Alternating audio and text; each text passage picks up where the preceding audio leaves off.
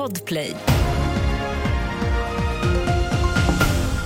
Vi börjar med det senaste om sprängningen i Strängnäs i natt. Det var vid fyra tiden som polisen larmades till ett bostadsområde och enligt polisen har en fastighet fått skador men inga personskador har rapporterats.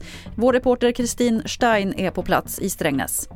Många här är skärrade. Jag har pratat med en del boende, vissa av dem väldigt upprörda eh, och har ändå indikerat att man såg det här komma. Polisen har varit här på plats eh, flera gånger. Det har upplevts som, som lite stökigt här i, i området. Så att, eh, ja, man har varit rädd en, en tid och, och är nu naturligtvis ganska upprörd efter det här som har hänt. Men äm, räddningstjänsten har samlat de boende i en skola en bit bort bort härifrån där de får stöd, värme och mat.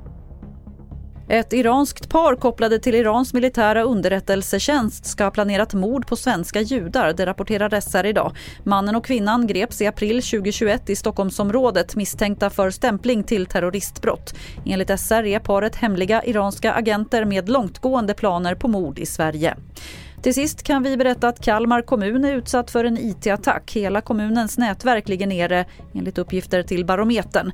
Det ska komma mer information om attacken under förmiddagen, det säger kommunalstyrelseordföranden till tidningen.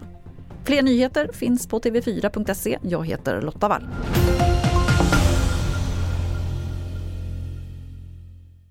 you poddtips från Podplay. I fallen jag aldrig glömmer djupdyker Hasse Aro i arbetet bakom några av Sveriges mest uppseendeväckande brottsutredningar.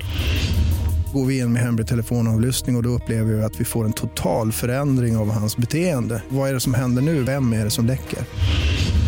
Och så säger han att jag är kriminell, jag har varit kriminell i hela mitt liv men att mörda ett barn, där går min gräns.